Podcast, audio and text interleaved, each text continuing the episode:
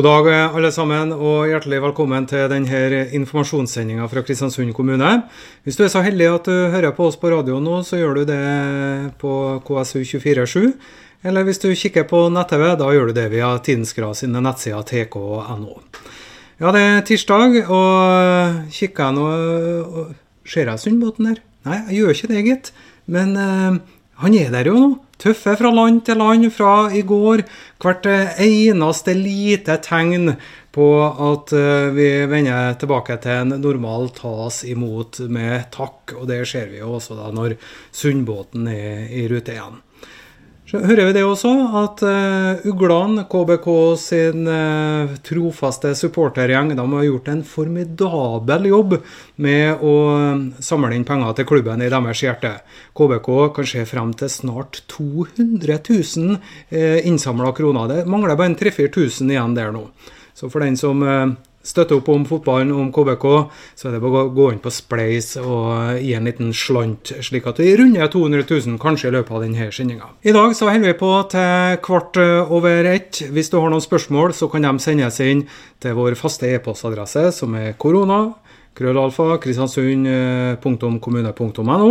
Og så skal vi også nevne innledningsvis at de som jobber med barn, familie og helse i Kristiansund kommune, har oppretta et telefonnummer som du kan ringe hvis du har noen spørsmål.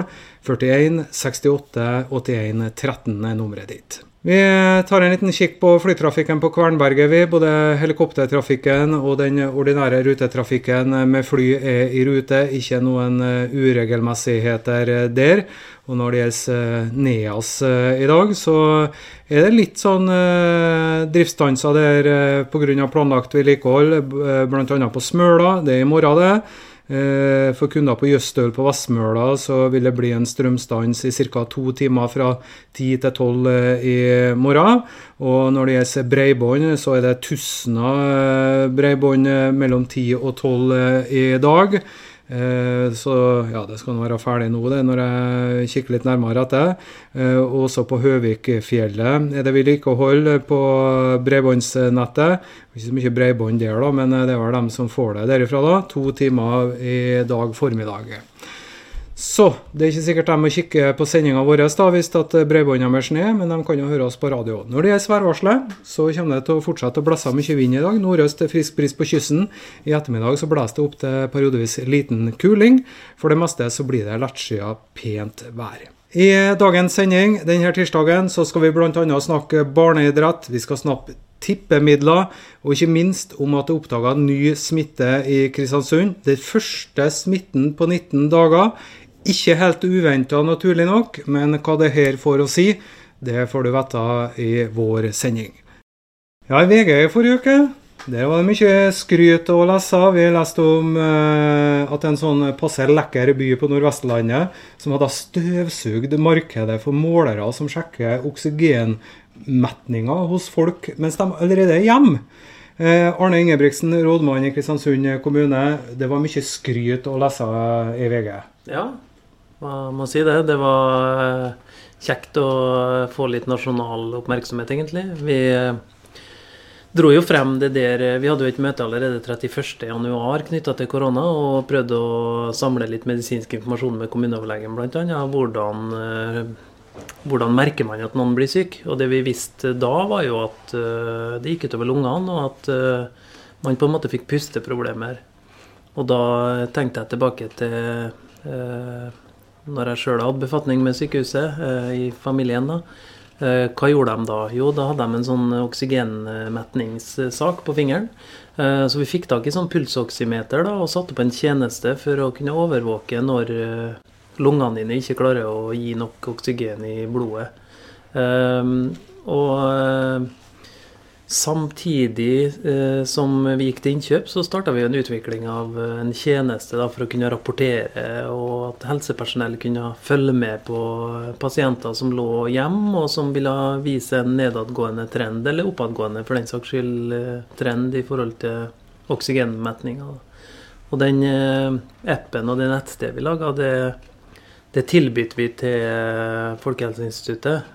Eh, det som nå er blitt den der innmeldingstjenesten fra Folkehelseinstituttet tilbød vi jo dem. For de sa at det trenger Norge. Og vi hadde jo allerede laga den. Eh, men så gikk det litt politikk i, og så ville de gjøre det sjøl, da. Mm. Men den oksygenmetningmåleren, eh, ting som du sier du har på fingeren og som du har på hele tida, som varsler da hvis at tilstanden skulle forverres. Uh, er det sånn at det er personer i Kristiansund som faktisk har blitt oppsøkt av lege på bakgrunn av de dataene som det har vist? om?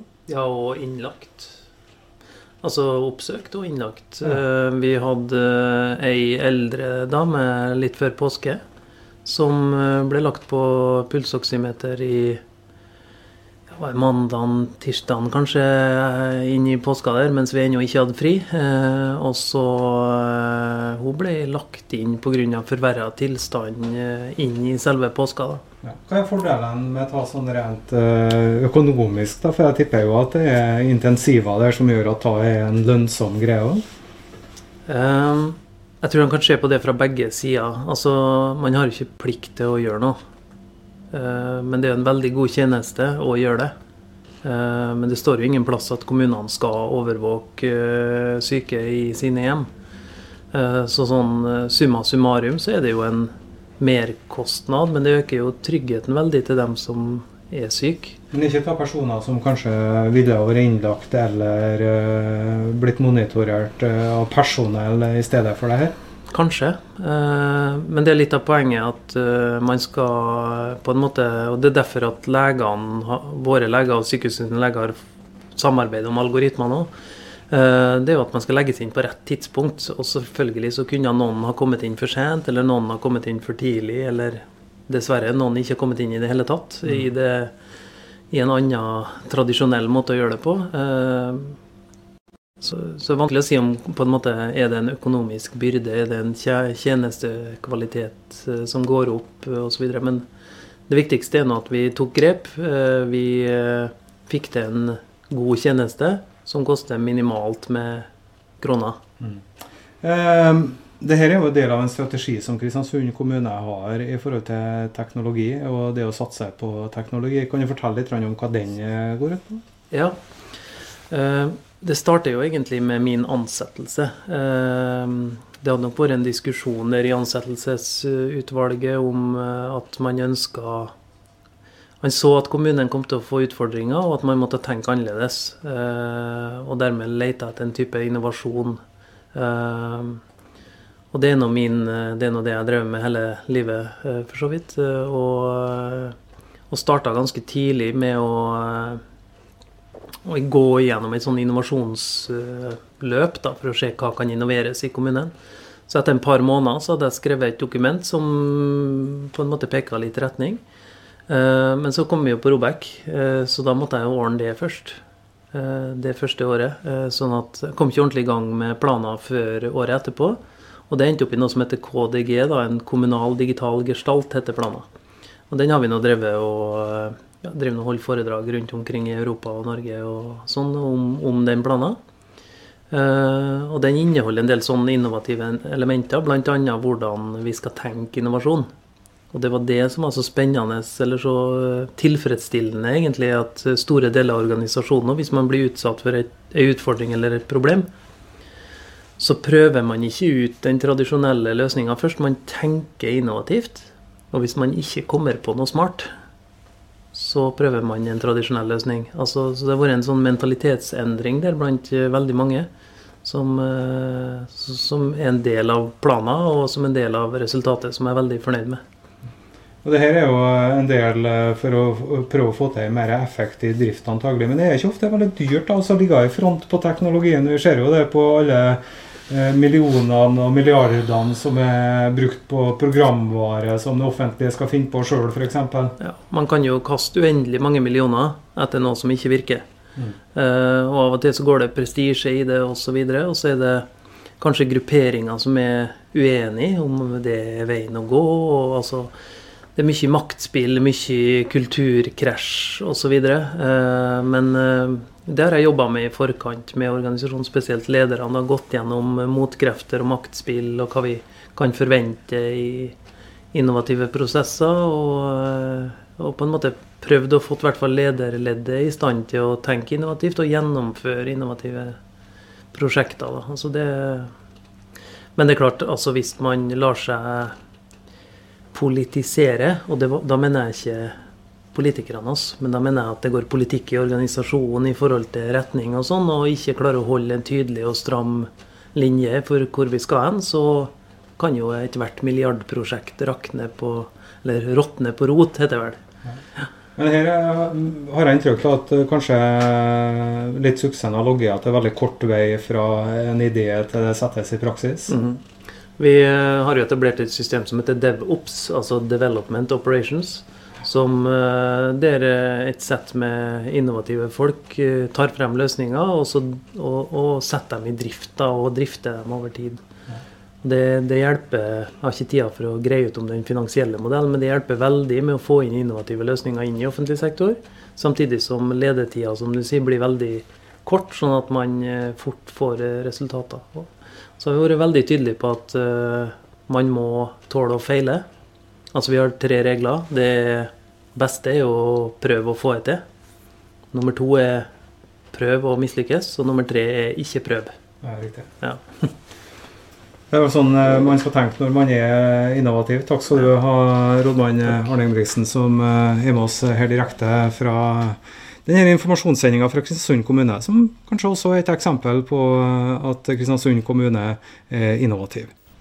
I går så ble det klart at vi har fått en smittede nummer 20 i Kristiansund kommune. Og kommuneoverlege Askild Sandvik, hva er det som skjer da? Det som skjer da, er at vi setter i gang en omfattende smittesporing. Og det er to ting som er viktig. Eh, for det første så må vi eh, finne alle de eh, personene som vedkommende har vært i kontakt med, altså nærkontakter. Så må de i karantene. Vil si at de må holde seg hjemme, slik at de ikke kan smitte andre. Og Da er det et omfattende, en omfattende kartlegging der man går gjennom dag for dag med den personen fra dagen før han har, har fått symptomer, og, og, og, de bevegelsene som han har hatt, og de personene som han har vært i kontakt med. Alle de skal i karantene. og Grunnen til at de skal i karantene, er for at de ikke da skal smitte andre videre. At vi på en måte prøver å, stoppe videre uh, den sirkelen av, av, av smitte.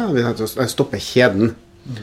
Uh, og, og det, i det tilfellet her så har det vært uh, noen personer, og vi tar opp prøver av en, av en del personer da, i kjølvannet av dette her. Så den ene sida er på en måte det å finne ut hvem nærkontaktene er, eh, og sette dem i karantene.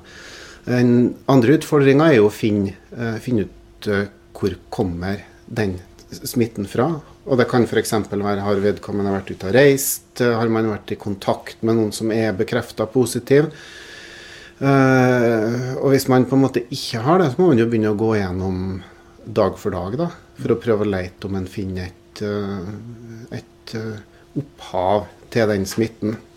Og klart at Har man smitte uten opphav, så er man da per definisjon i det som da kalles fase to av pandemien. Selv om det er bare ett menneske snakk om. Men er, er opphavet til denne eh, smitten kjent? da? Den er ikke kjent, eh, og nå jobber de med det. Så da har vi, da vi smitteteamet som arbeider med. og Smitteteamet består av, av leger, altså smittevernleger, består av medisinstudenter, fysioterapeut, sykepleiere, altså ulike folk med helsebakgrunn, som da gjør den på en måte jobben i forhold til å prøve, prøve å finne ut av det. Ja, og da er jo folk som har gjort jobben godt tidligere. For de 19 som var syke uh, før vedkommende nå, der har man funnet ut mm. hvordan uh, vei viruset har gått. Mm. Man har gjort en glimrende jobb frem til nå. Klart at Vi har vært så heldige at vi har fått bygd opp et team nå som, som har blitt svært kompetent. Og, og, som består av mange folk, og der vi har gode ressurser til å drive smittesporing. Og det er jo nettopp det nå som Det er jo smittesporinga og det arbeidet her nå som blir viktig fremover nå når samfunnet åpner opp, så er det det å på en måte få tak i dem som er, som er smitta, altså test, test, test, test. Og aktivt få folk i karantene og isolasjon som har vært i kontakt med dem som, som tester positivt. Sånn at i tida fremover nå, så er jo det arbeidet her jo ekstremt viktig. I andre kommuner så hører jeg at de eh, har henta inn pensjonerte politifolk til også å være med på denne type smittesporing. Kunne det vært en idé? Det er jo faktisk en ganske god idé. Politifolk er jo vant til, til å drive etterforskning. og det er klart at man må ikke ha helsebakgrunn for å, for å holde på med det. Sånn at uh, det var kanskje en idé som jeg kan, kan ta med meg videre. Ja. Nå, nå, er jo naturlig nok personvern og sånn knytta opp til akkurat den personen her, hvem det er og sånne ting. Men mm. sånne ting sprer seg jo fort hvem det er. Eh, hva bør folk som har vært i, som vet de har vært i kontakt med denne personen eller i kretsen rundt han, gjøre nå? Jeg tenker at uh, hvis man er definert som nærkontakt, eller hvis man har vært veldig nær en person på generelt grunnlag da, som man vet er smitta, så bør man jo ta kontakt for å få råd. da. Og Det er jo de vanlige uh, kanalene at man tar kontakt med sin fastlege, og så blir det fort smittevernteamet som tar på en måte den, den saken. da. Mm. Mm. Når får dere eh, svar på om det er flere rundt, uh, i kretsen rundt denne personen som er smitta? Jeg har tatt prøver i går og i dag, tror jeg, slik at vi har allerede svar på en del prøver i dag. Og så får vi svar på noen prøver i morgen. Men det vil si at det her er, den type smitte, den siste saken, her har ingenting å gjøre med barnehager eller, eller skoler å gjøre. Sånn at det ikke er på en måte relatert til det. Nei. Så jeg ta ikke nødvendigvis uh, som en følge av at det har blitt litt mer åpnere? Nei, det virker ikke sånn. Uh, slik at uh, det her har vært en person som har vært ganske forsiktig. Ja. Da får vi håpe det at dere finner ut av smitteveien. Tusen takk skal du ha, kommuneoverlege Askild Sandvik. I går så var jo eh, en spennende dag for eh, svært mange skolebarn. Første- til fjerdeklassingene hadde sin første skoledag på aldri så mange uker. Og eh, ja, Kristine Reitan, hvordan gikk det i går? Gikk det som planlagt? Ja, det er tilbakemeldingene fra skolene er at det var en kjempefin dag, og at ting gikk veldig, veldig bra.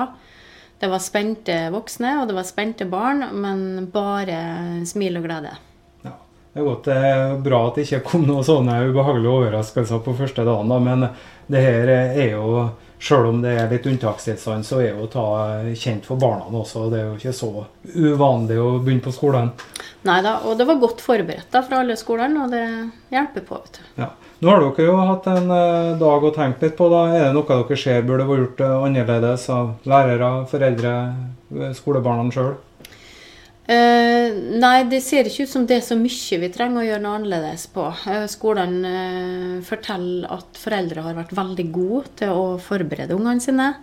Så de kommer veldig godt forberedt til smitteverntiltakene som er satt i gang. Um, og en rektor sier jo det at uh, de har tydeligvis vært gode lærere av mange av foreldrene. sånn at, uh, så at det her har gått veldig bra.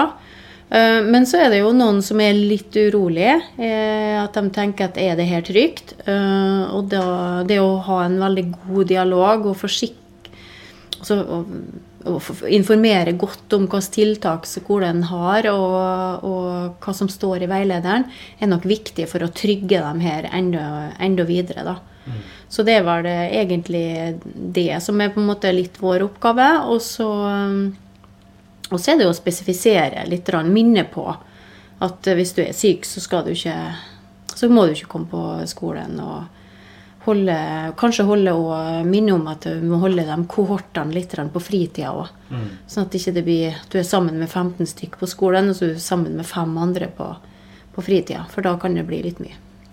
Vi hører jo fra særlig kanskje større byer da, at der har det vært litt fravær på første skoledag med foreldre som har holdt igjen eh, ungene sine. Hvordan har det vært i Kristiansund? Veldig unntaksvis at det er noen få barn som, er, som har blitt holdt hjem. Det er noe, noe fravær, selvfølgelig, fordi at en skal ikke komme når en er syk. Men som eh, på en måte liksom bevisst er blitt holdt hjem, det er bare noen få. Og det tenker jeg at det skal vi nok greie å løse med en god dialog. Ja.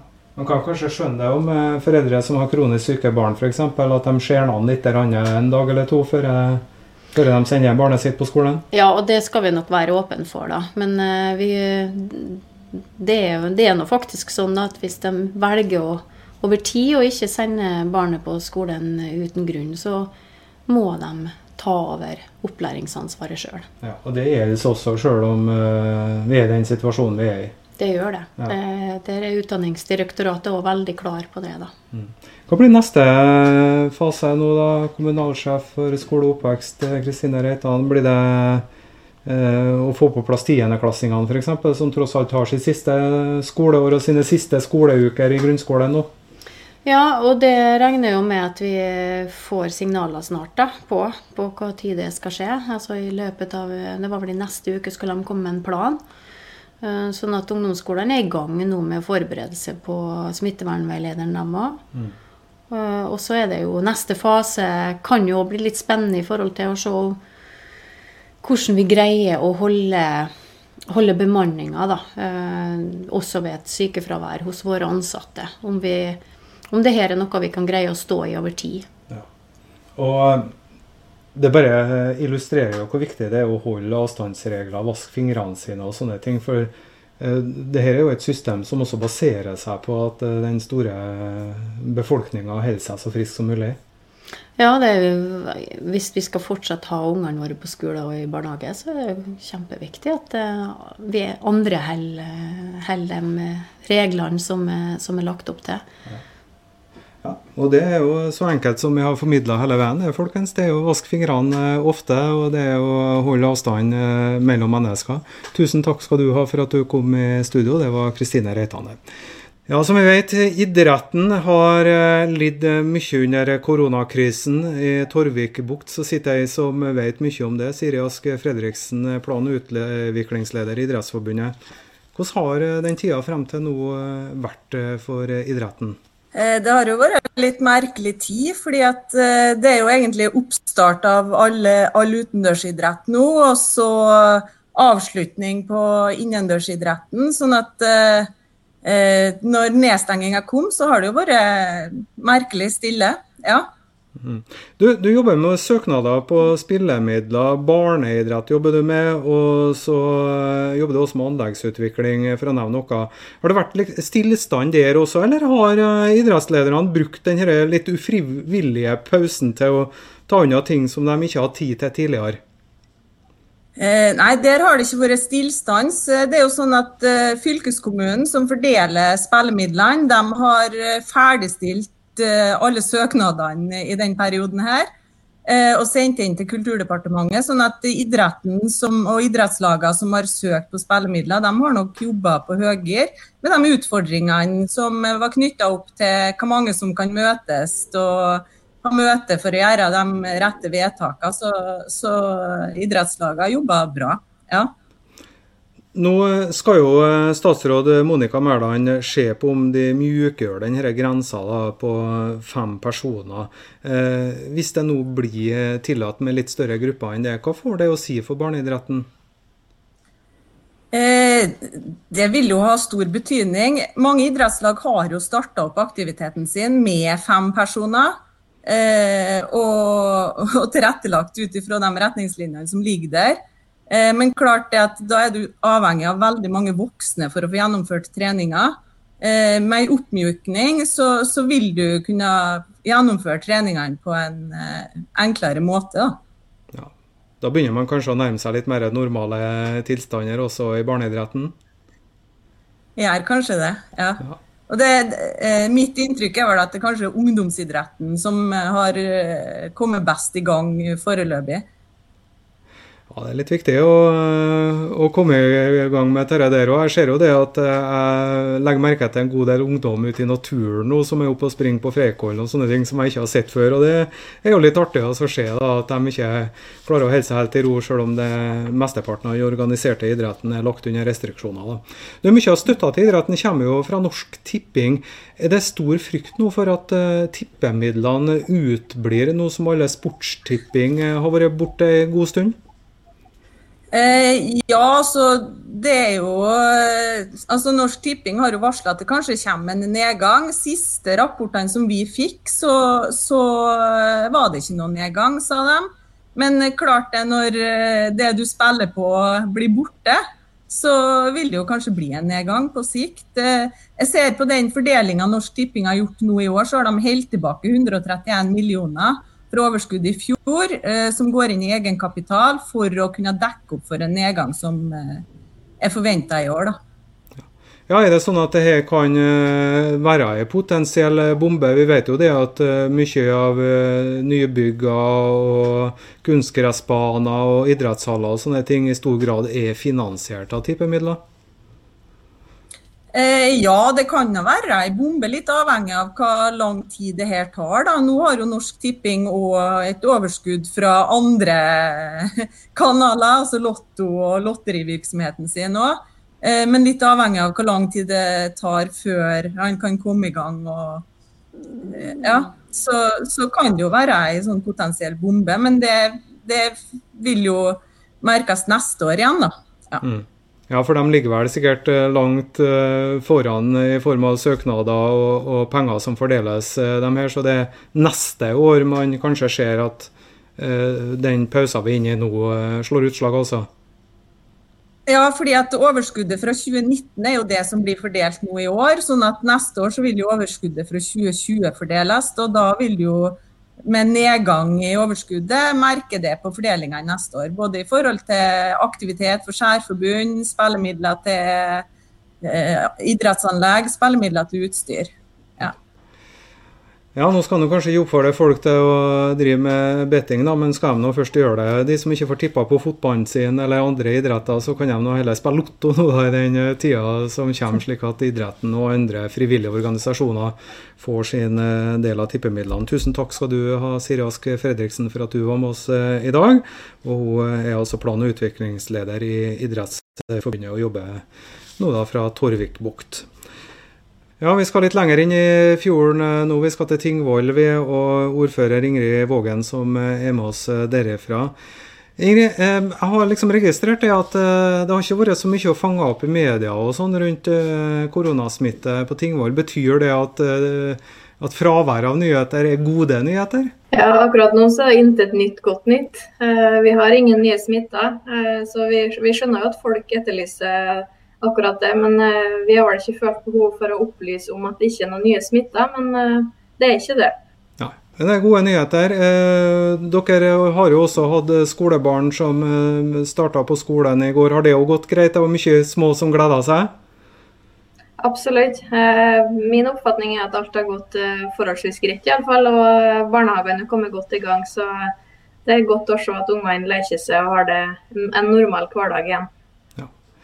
Og så eh, leste vi det i Tidens at eh, det er flere bedrifter i, i Tingvoll som bidrar til smittevernsarbeidet. Og Ingrid Vågen, kan du fortelle litt om hva man tilbyr? Ja, Vi har jo mange flinke, kjempeflinke bedrifter. Vi har uh, flere bedrifter som produserer 3D-printa smittevernvisir. Eh, og Røde Kors har stilt til dugnad for å montere dem her, så det er kjempeflott. Og så har vi i tillegg bedrifter som produserer smittevernfrakker. Så det er kreative folk som fortjener skryt og mye bestillinger. Og det er jo Krivi Vev, da, de som eh, vever eh, høykvalitetstekstil, bl.a. brukt i, i, bunad, og Norsol, som driver med bl.a. persienner og sånne ting til vanlig. Eh, der Norsol syr og Krivi står for stoffet da, som, som lager smittevernfrakker. Så leser vi jo det, da, og ta, har fått deg til å reagere, og Ingrid Vågen, at at selv om eh, du har lokale bedrifter som tilbyr dette, her, så velger ofte de som kjøper inn smittevernutstyr, langt billigere utenlandske alternativ. Ja, Det er noe som har opprørt meg virkelig. For har vi ikke skjønt nå hvordan situasjonen er nå, at vi må benytte oss av lokalt næringsliv? For det, det, har jo aldri vært viktigere å handle lokalt og bruke så lokalt næringsliv som mulig. Så når jeg hører det at eh, norske kommuner faktisk kjøper importert stoff i stand for å bruke eh, norske bedrifter, så blir jeg rett og slett opprørt. Er det loven om offentlige offentlig anskaffelse og anbudsrunder som ja, ødelegger for et slikt opplegg? Det er vanskelig å si, men det er klart at pris blir jo stadig større vektlagt, vektlagt i offentlige anbud. Og Da kan det jo hende at det er det som gjør at norske bedrifter kan tape på det. Eh, men så må vi jo ha noen sånne regler på offentlige anskaffelser. Så det er vanskelig. Jeg vet jo at innkjøpssamarbeidet på Nordmøre har jobba for at vi skal bruke mest mulig lokalt næringsliv. Så det er en vanskelig balansegang. Men eh, at vi må ha et sterkt fokus på handel norsk og lokalt. Det må vi absolutt ha. Men eh, er det ikke samtidig kommunene sin jobb da å bruke minst mulig penger? jo, vi skal bruke minst mulig penger, men samtidig så skal vi bruke mest mulig penger lokalt. Og eh, det har vel antagelig ringvirkninger utenfor for kanskje det spesifikke kommunale budsjettet der og da også, at de lokale bedriftene eh, har forretninger med kommunene? Ja, klart det. Hver, inntekt, hver krone inntekt for bedriftene på Tingvoll er jo ringvirkning for Tingvoll kommune sin økonomi. Altså, det, det er mye ringvirkninger her ute og går. Ja. Jeg vet ikke om det har vært sett eh, så jo sånn ut på de bildene jeg leste, så i Tidens Grader, eh, ordfører Ingrid Vågen, at det har vært på Krivevev og kikka. Er det sånn at smittevernfrakkene smittevernsfrakkene har rosetter og nydelig, flott bunadsmønster, eller hvordan er det dette her? Det tror jeg er ganske enkelt eh, bomullsstoff som går an å vaske på 90 grader. Så jeg tror ikke det er de her fineste stoffene som kongen og Stortinget har det, nei. nei kunne kanskje vært en forretningsidé, det òg. Jeg så jo det at uh, det er blitt mote nå med å personifisere munnbindene sine og gjøre det litt sånn fancy. Det kunne kanskje vært litt sånn luksusmunnbind fra Krivivev og Norskjold. Ja, det kan hende jeg skal spille den til dem. ja, I hvert fall ikke noe mangel på flotte mønster og fint stoff innpå der. Tusen takk skal du ha, Ingrid Vågen fra Senterpartiet, som altså er ordfører Tingvoll kommune. Du, jeg har på å lese på nettet her nå en uh, undersøkelse som er utført av uh, Norsk koronamonitor. Det var noe som har dukket opp da i kjølvannet av den situasjonen vi er i. En del av analyseselskapet Opinion her uh, viser at én av fem nordmenn ikke går ut blant folk nå mens vi har den situasjonen som vi har. Og Det er jo kanskje en god årsak da, til at man kan ta seg en tur i en kajakk. Eh, for der er man jo relativt alene. Sitter du alene oppe på kajakken, med mindre man uh, sitter i en sånn tomannskajakk, som ikke er så veldig vanlig. Og uh, en kar som er mye ute og padler, det er deg det Tarjei Kule blant de som er ivrigst på dette her. Hva er det med kajakk som har appellert så galt til deg? Nei, Det er jo en kombinasjon av både trim og naturopplevelser. da. Med kajakk sitter en veldig nært vannet. Og han eh, sitter og, og, oppdager veldig mange plasser. Og Kristiansund og Nordmøre ligger veldig fint til på, på, den måten. Vi har eh, mulighet ute i ytre som er eh, inn i fjordene og på roligere strøk der på innsida av holmene. Så det er litt sånn variert eh, miljø å padle i her, hvor det er såpass eh, innaskjærs og utaskjærs og i det hele tatt? Ja, Her på Nordmøre så har han alt omtrent eh, rett utenfor stuedøra, bokstavelig talt. Det skjer den langt ned til, til, havet, så her er uh, gode muligheter for å padle og stå i vil, så lenge en tar hensyn til været. Ja. ja. du har jo fått med hele familien på dette, har du? Ja, alle er ute og padler kajakk med mer eller mindre ujevne mellomrom. og Kajakk passer for alle aldre så lenge du er trygg i vann. Minstemann tror jeg faktisk bare var fire når han padla eh, og begynte å, å ta teknikken sjøl. Det er heller ingen øvre aldersgrense på kajakk. Sånn det er bare hva du sjøl men Kanskje en lettere måte å, å trimme på. Det er jo ikke noe voldsom anstrengelse sånn sett. Der du padler etter det tempoet som du har på. Uh, på. Uh, men Tarjei Kulø, vi bor jo på en værhard kyst. da. Det er vel et sikkerhetsaspekt her også som er viktig å, å ivareta? Ja, vi anbefaler å ta eh, kajakkurs før en eh, begynner med padling, eller helt til når en har begynt eh, så tidlig som mulig. Det, det, det, men det er ikke så veldig mye og kostbar utstyr han trenger. Det er egentlig en pumpe og en årepose, og det å lære seg selvfølgelig ha redd i året og et trekk i tillegg. Og så må du ha en kaia. Ligger faktisk 740 til start nå, så det er gode muligheter for å få tak i en brukt kajakk. Ja, og det er jo alltid en fin gjøre. Jeg ryr over av tilbudet på kajakk i tillegg til det du kan handle brukt. Så det bør mulighetene. Men hvilke tips har du da, Tarjei Kule, med tanke på det å lære seg kajakk, kjøpe inn kajakk eh, og slikt? Det er jo så mye å velge her. Nei, Det å lære seg kajakk anbefaler vi, eh, vi, å ta et kurs. da. Nå, akkurat nå pga. korona så ligger nok det, de fleste kursleverandørene brakk på akkurat det. Men eh, når koronaen er over, så, så vil de fleste begynne å kjøre i gang kurs igjen.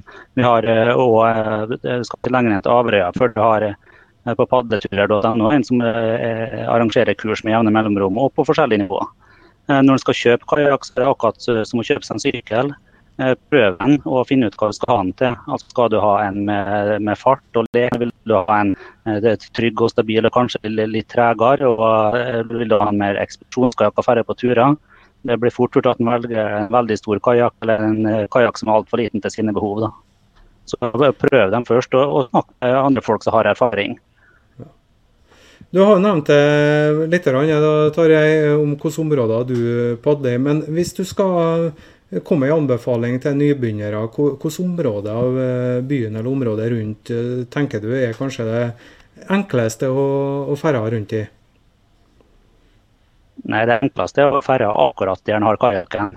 Eh, sjekk værforholdet først, men så er jeg jo glad i eh, Kristiansund og områdene rundt. og Det er jo der vi i familien drar mest. da. Veldig mange av turene tar vi med utgangspunkt i, i Munkarsundet. Og da har en mulighet til å ferde utom Skorpa, utom Kirkelandet. Men like fint, og spesielt for unger, er det å ferde i havnebassenget, padle under kaien hvis det er mulig, oppdage nye plasser. Skjervøy er fin å gå i land på. Eh, med Tonehotellet er fin. Det er veldig mange fine plasser og du kan ta som utgangspunkt her. Rett utenfor Kristiansund. Og så kommer du ikke utenfor at Smøla er en veldig fin plass de gangene jeg har vært der spesielt vestsida på Smøla er et eldorado for padlere. Vi holder et lite øye vi med spleisen som Ugland har satt opp til støtte for eh, Kristiansund ballklubb. Eh, for Vi hadde et lite håp om at vi kanskje skulle klare å runde 200 000 i løpet av eh, denne sendinga. Nå er vi altså 1300 kroner unna, så det er like før. Så hvis du har lyst til å støtte opp om den lokale Eh, eliteserieklubben, så er det bare å gå inn på Spleis og søke opp uglene der, så får du muligheten til det. Ja, Kjell Nergård, velkommen uh, i studio. Det er snart uh, eh, 1. mai, og så går vi da inn i helg. Uh, heldigvis skulle jeg til å si langhelg med flaggheising og finvær skal det bli.